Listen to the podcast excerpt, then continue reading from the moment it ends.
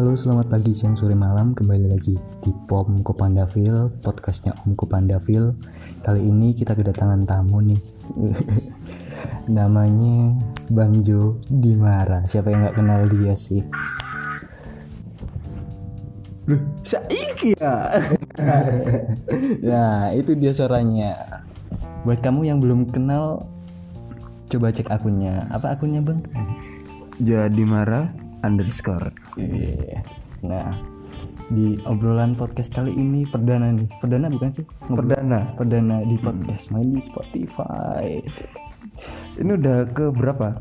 Kayaknya season ke 8 8. Iya, Apa ini nanti kita bahas apa ini? kita bakal bahas fakta realnya Jo Adimara. Iya, tentang gimana sih perjuangannya dulu nyampe sekarang masih stabil dengan engagementnya. Amin. Jadi gimana nih? Ceritanya Gimana dari mana nih? Dari Enggak awal kita bahas engagement tentang Instagram aja. Iya. Mungkin eh, sekarang udah ini sih enggak enggak apa? Engagement Instagram sekarang udah gimana ya? Kita juga nggak bisa menebak kan. Kadang di timeline paling atas ada postingan lima hari yang lalu baru muncul atau lima jam yang lalu gitu kan yang dialami teman-teman. Beda kalau yang Iya. lama dulu kan kita posting langsung memang top top. list di timeline. Sekarang udah beda. Mungkin karena eh, poin community Instagramnya udah dicabut dari Instagram sendiri. Sekarang lebih lebih ke bisnis mungkin ya masuknya Mm. Apa tuh poin community tuh buat yang belum tahu tuh? Apa tuh? dulu eh, kalau main Instagram itu kebanyakan teman-teman yang dulu-dulu ini lebih di community-nya. Community first ada hashtag community first. Nah itu eh, lebih gimana sih caranya mengkoneksikan penggunanya Iya. di real life? Maksudnya kehidupan nyata. Melalui eh, Instamit. Dari jadi setahun itu mungkin ada dua kali Instamit di setiap kota. Di dan itu serentak seluruh dunia. Jadi kita bisa tahu pengguna dalam satu kota Ha. Ketemu secara langsung. Nah, itu melalui community-nya mereka dan setiap Jumat juga ada kayak hashtag gitu. Hashtag terus eh, yang di keluarkan oleh Instagram setiap Kamis malam kalau nggak Jumat gitu. Jadi seminggu sekali bisa ke fitur itu yang di fitur di Instagram melalui hashtag yang mereka keluarkan kita kan nge-submit Iya tuh. Nah itu rasanya seneng banget gitu kan. Oh jadi tahu orang-orangnya gitu Nah, kan? Ya, ya kan maksudnya eh, dulu ada fitur community-nya lewat situ. Nah, Nah, mungkin apa tuh? tahun-tahun terakhir kemarin juga foundernya cabut. Nah iya si founder IG-nya tuh Iya, Kevin, si Kevin. mm, ngejual ya. Ah, jadi sekarang udah punya Facebook. Jadi engagementnya udah kayak Facebook kan. Iya uh, mirip. Nah kayak gitu. Nah gimana cara nyiasatin biar engagement kita tetap stabil? Gimana tuh? Ini denger baik-baik nih loh. Tips banget nih. Tapi eh, ini sih apa? Memang eh, banyak dikeluh-keluhkan sama Instagramer yang lain. Memang banyak yang turun Iya. karena memang ya itu tadi apa dari Instagramnya langsung memang kayak gitu. Nah gimana cara nyiasatin biar engagement kita tetap naik? Itu banyak sih sebenarnya mulai dari caption yang kita gunakan, terus eh, konten-konten yang kita berikan setiap harinya tetap konstan dalam hal up- uploadnya. Setelah itu kita interaksi di story.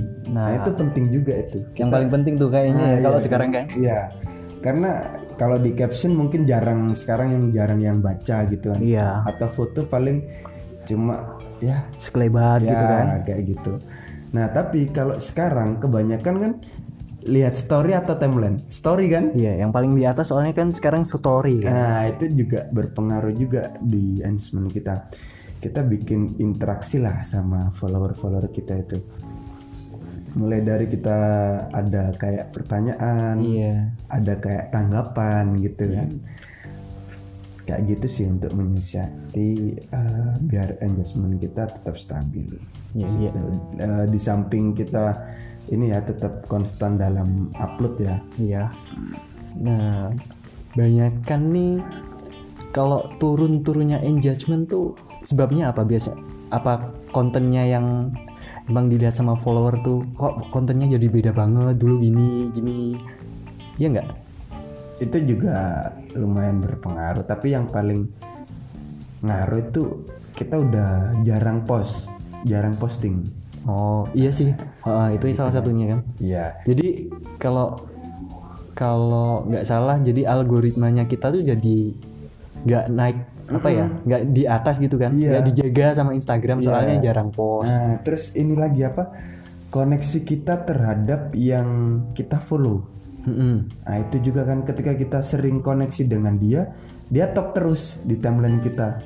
Atau di story kita di awal terus ketika kita jarang koneksi dengan mereka dia di paling belakang tuh kalau story. Ya nah kayak gitu. Nah itu pengaruh juga itu.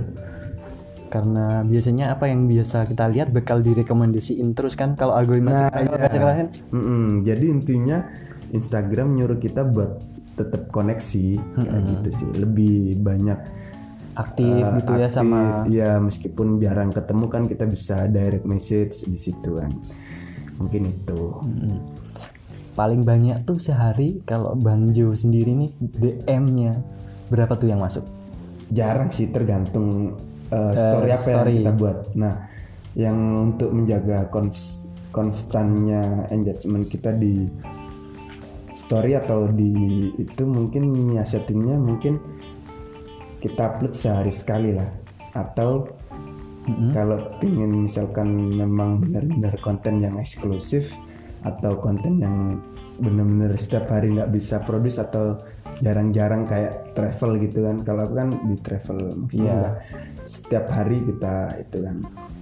Bikin mungkin bisa tiga hari sekali atau dua hari sekali. Nah tapi kalau story minimal enam kali lah dalam sehari. Sehari enam kali. Nah enam kali.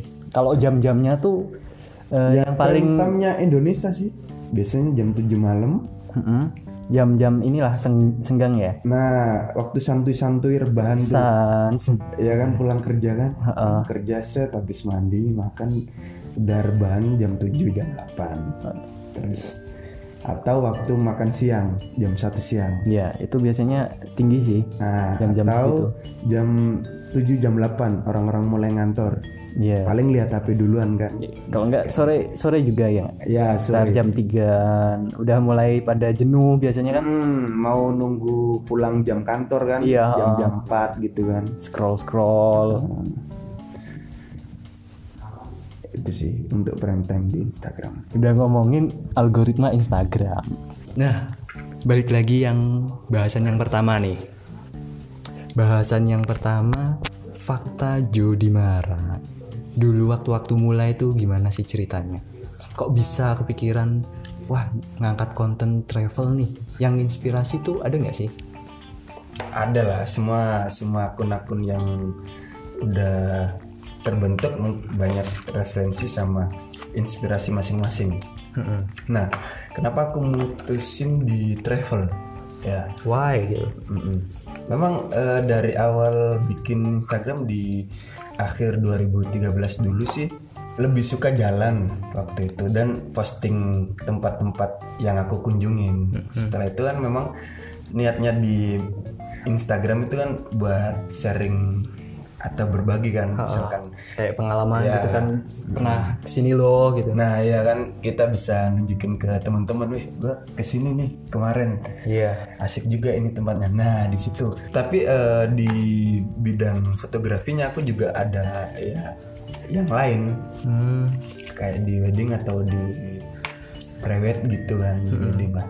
atau di produk tapi aku lebih share di Instagramnya lebih kebanyakan di travel karena itu tadi apa niatnya berbagi sih tapi waktu di eh, 2016 Iya.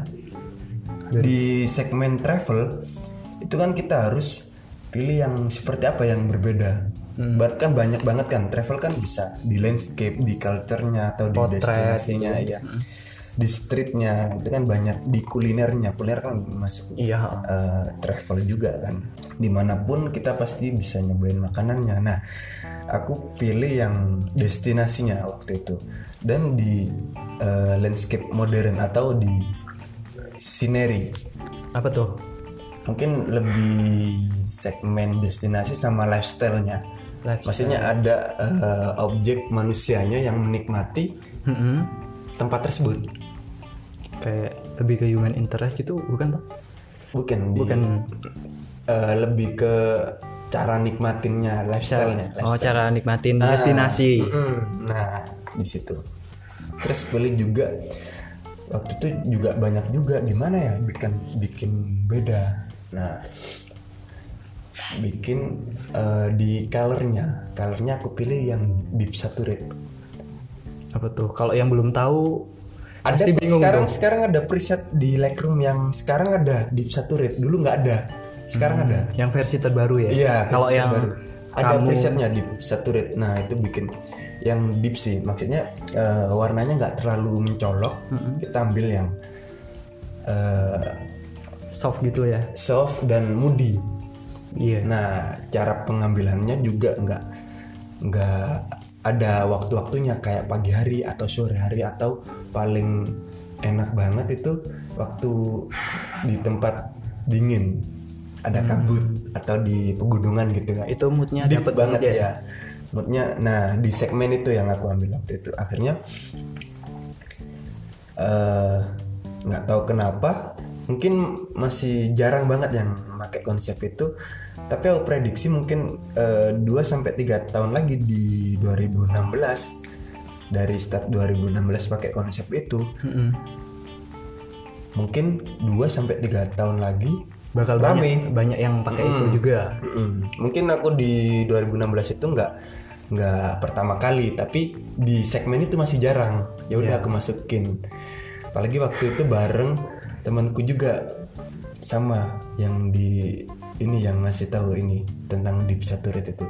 Ada akun Andi Baktiar underscore. Itu. Nah di situ. Dan kalau akun-akun yang menginspirasi mungkin orang-orang dari German Rumors itu di deep saturate-nya bagus banget. Dan eh, komposisi foto maupun eh, timing pengambilannya cocok banget di deep saturate. Makanya inspirasi aku dari situ akhirnya di 2018 2019 rame tuh pakai color itu atau konsep-konsep itu. Di explore juga maksudnya udah full. Udah nggak jarang lagi banyak banyak yang dengan konsep seperti itu. Ya nggak apa-apa lah. Nggak apa-apa. Biar rame juga. Ya upgrade kualitas tampilan. Bukan maksudnya Apa ya? kan eh, eh, biar berarti yang yang aku bikin sama teman-teman waktu yang di segmen ini berhasil gitu. Maksudnya jadi trendsetter. Oh Ya, iya. Nah, nah, Masuk, itu. masuk. Nah, itu sih kalau di travel. Tapi kalau kita lebih dalam lagi mm, mengenai travel gimana? Kenapa aku pilih travel itu tadi kan? Nah di samping sharing ternyata aku lebih dalam itu gimana ya? Lebih bisa bermanfaatnya lebih langsung. Jadi kita eh, dalam berkarya atau apa apa yang bisa kita perbuat bisa bermanfaat bagi orang lain kan? Nah tetapi secara tidak langsung ketika kita bik- eh, bikin konten di satu destinasi nih awalnya dia belum booming. Destinasinya tapi, ya, itu ya, tapi akhirnya ketika kita share akhirnya banyak yang berkunjung ke situ. Mm-mm. perekonomian daerah tersebut bisa kebangun yang dulu anak-anaknya nggak bisa sekolah akhirnya bi- bisa menyekolahkan anaknya. Nah itu maksudnya pride sendiri sih. Iya. nah di situ lebih dalam tentang pariwisata. Nah itu ya udah. Udah kalau melakukan hal sesuatu kan nggak setengah-setengah. Iya. lo kalau kecemplung air. Ya udah. jangan cuma snorkeling tapi scuba lebih dalam.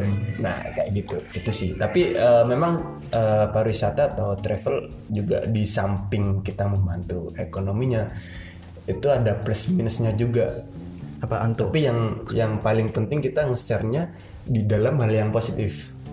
Maksudnya kita juga kasih eh, suges agar ke situ tetap jaga kelestarian lingkungan ya Nah, itu tetap sih. tetap terus eh, memper minimalisir penggunaan plastik kita bawa tumbler lah. Iya. nah kayak gitu. Atau bawa sampah bawa balik lagi. Karena memang yang ke situ kan juga berbeda-beda orang kan? Ada yang ke situ lupa dengan hal jaga kelestarian naik-naik pagar ngerusak ekosistem. Nah itu kan eh, plus minusnya Iya. di pariwisata kan. Nah di samping itu juga kita juga ngasih edukasi tentang eh, gimana jaga kelestarian ekosistemnya dengan banyak eh, sharing edukasi ke pengelola wisata dan eh, dan yang paling penting sekarang itu eh, pemilah pemilahan. Pemilahan sampah. pemilihan bukan pemilihan sampah pemilihan eh, destinasi. Ini destinasi family atau adventure. Oh. nah itu banyak edukasi yang harus diterapkan di daerah-daerah. Kebanyakan yang memang scene-nya bagus tempat itu. Maksudnya untuk adventure atau apa. Dikasih kayak tempat-tempat burung kayak gitu kan. Biar biar banyak eh, pengunjungnya atau apa. Nah itu lebih bijak lagi dalam pemilihan destinasinya. Seperti itu. Ini buat family atau buat adventure kayak gitu. Dan kalau pembuatan kayak ada cor-coran atau apa itu mending eh, satu kilo dari destinasi utama. Biar nggak eh, merusak pemandangan untuk penikmat landscape atau eh, penggiat visual konten ya kan Iya sih. Kadang biar nggak bocor kayak gitu kan. Iya. Nah kalau kan banyak juga tempat-tempat kayak air terjun depannya langsung warung kan dikasih warung. Iya. Itu kan pengunjung nggak cuma orang datang buat buat menikmatinya, tapi juga mengabadikannya ya kan. Apalagi yang yang fotografer-fotografer teman-teman itu kan dia juga mungkin risih lah kayak gitu. Nah gimana caranya? Nah itu mungkin satu kilo dari destinasi tersebut kita pembangunannya di sana kayak Iya. gitu. Ya soalnya kayak di beberapa gunung yang Banyak sih. yang endek-endek kan. Hmm. Apa endek-endek? yang Rendah. rendah. Mm-mm. Gimana kamu ini? endek-endek. Jawanya keluar. Enggak apa-apa. Tiba-tiba ada warung di puncak. ya, Ya. ya kayak gitu sih. Ya. Mm. Ya gimana, Ya, gimana caranya, caranya? kita bisa mengedukasi teman-teman dan pengelolaan juga karena ya kalau kita nggak nggak eh, nggak peduli tentang alam kita siapa lagi gitu loh ya kan apa mana cuk apa mana cuk Ini loh. Destinasi yang pertama dan bikin nagih pengen traveling lagi. Di mana? Destinasi favorit itu kalau kontur destinasi keseluruhan mungkin Sumba. Sumba. Why Sumba? Apa ya? Karena dia eh, kontur karakternya berbeda sih dengan daerah lain. Dia eh, dijuluki dengan seribu bukit, eh, pulau seribu bukit dan seribu kuda.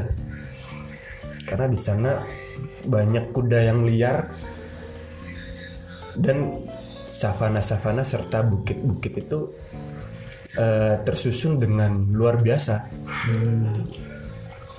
Ini maaf kalau ada noise noise di atas lagi ada yang main Instagram tuh. lagi main Mobile Legend kayaknya. Iya. Terus terus yang Sumba tadi kepotong jadinya kan? itu Sumba mungkin tapi kalau destinasi favorit di ini air terjun Kapas Biru di Lumajang Lumajang. Mm-mm. suasananya sih suasananya sih enak apa bikin buat nyantui nyantui gitu enak banget Terakhir ke sana kapan tuh?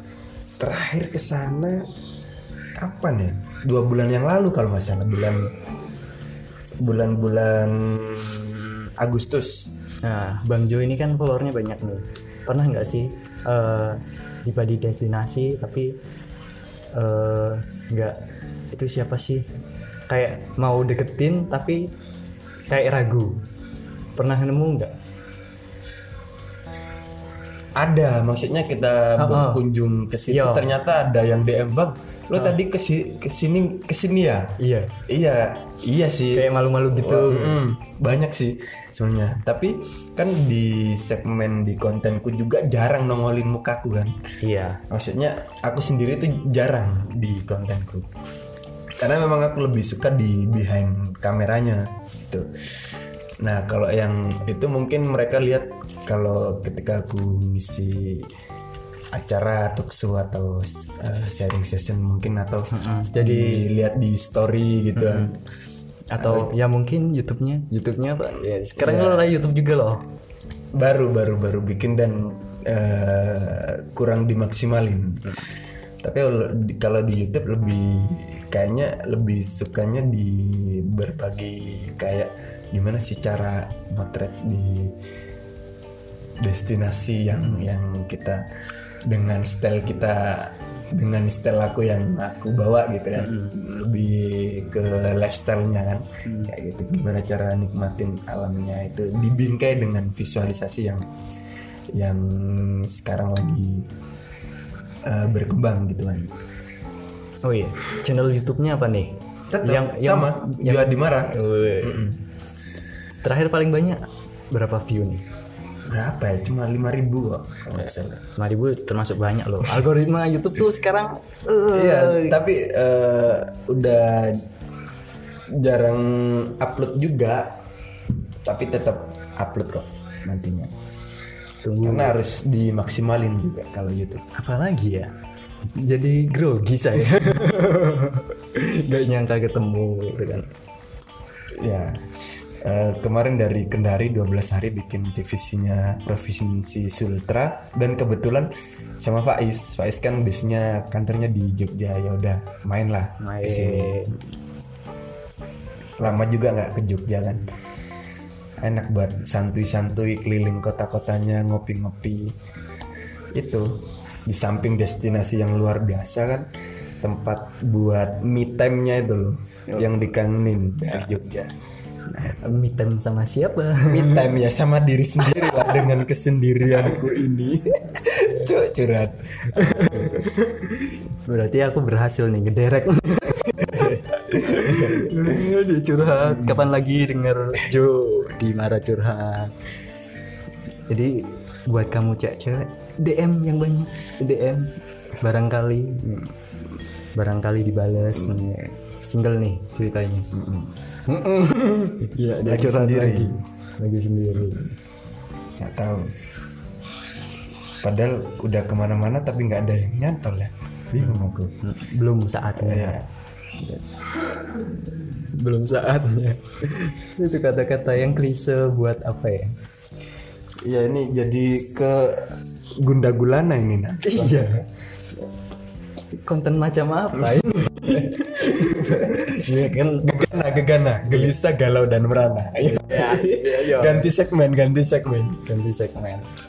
Nggak masalah kan ngobrol santai.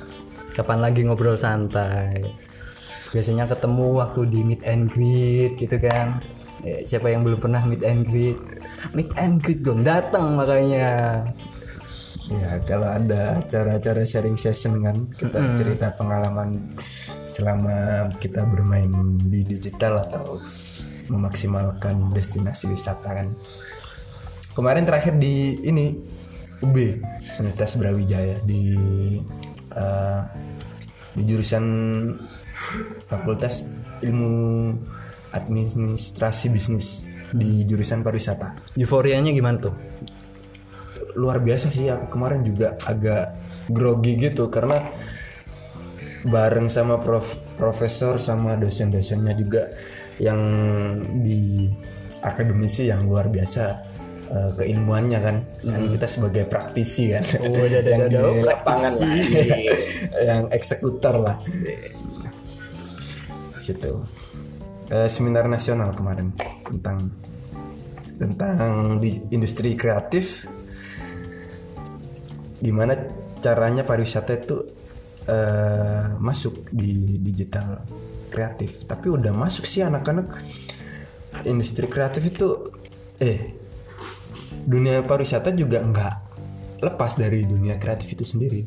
Di situ kemarin bahas di situ akhirnya eh, sekarang udah gabung kan kementeriannya Iya. pariwisata gabung dengan Backcraft. Iya. nah jadi satu Nah itu kemarin sinergi yang luar biasa sih sempat ngobrol sama anak film katanya eh, gara-gara gabung dan hanya buat anak-anak film ya jadi berkurang.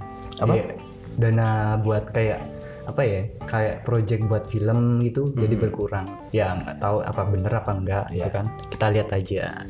Kan menteri-menterinya baru-baru semua ini. ya semoga eh, sinergi antara pemerintahan sama eh, pemuda-pemuda lebih baik lagi. Oh, ya kan di situ.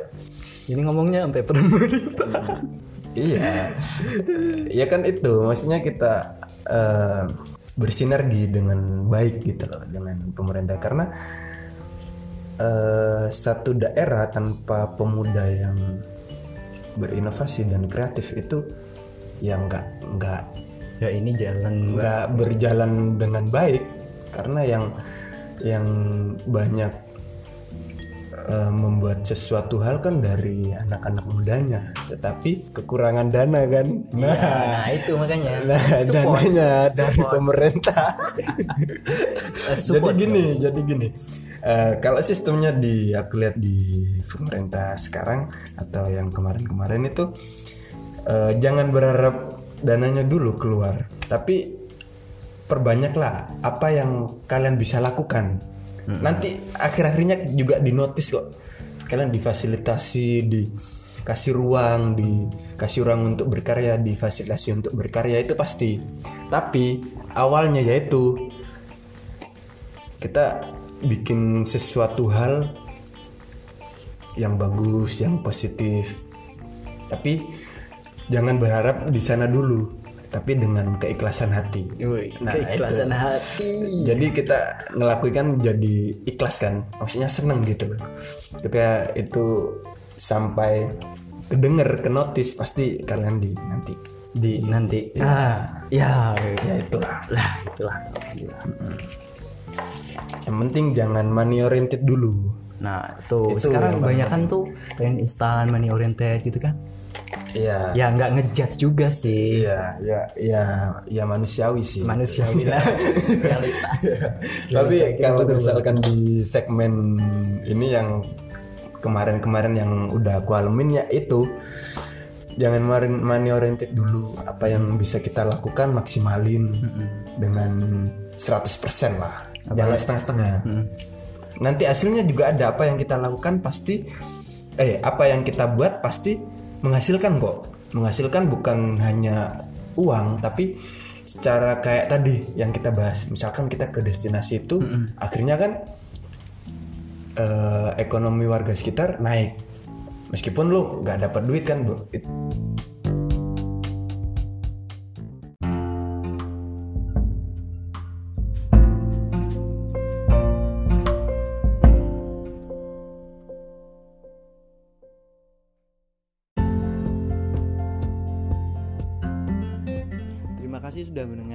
podcastku. Buat kamu yang masih penasaran, silahkan ke podcast berikutnya. Jangan lupa share ya. thank you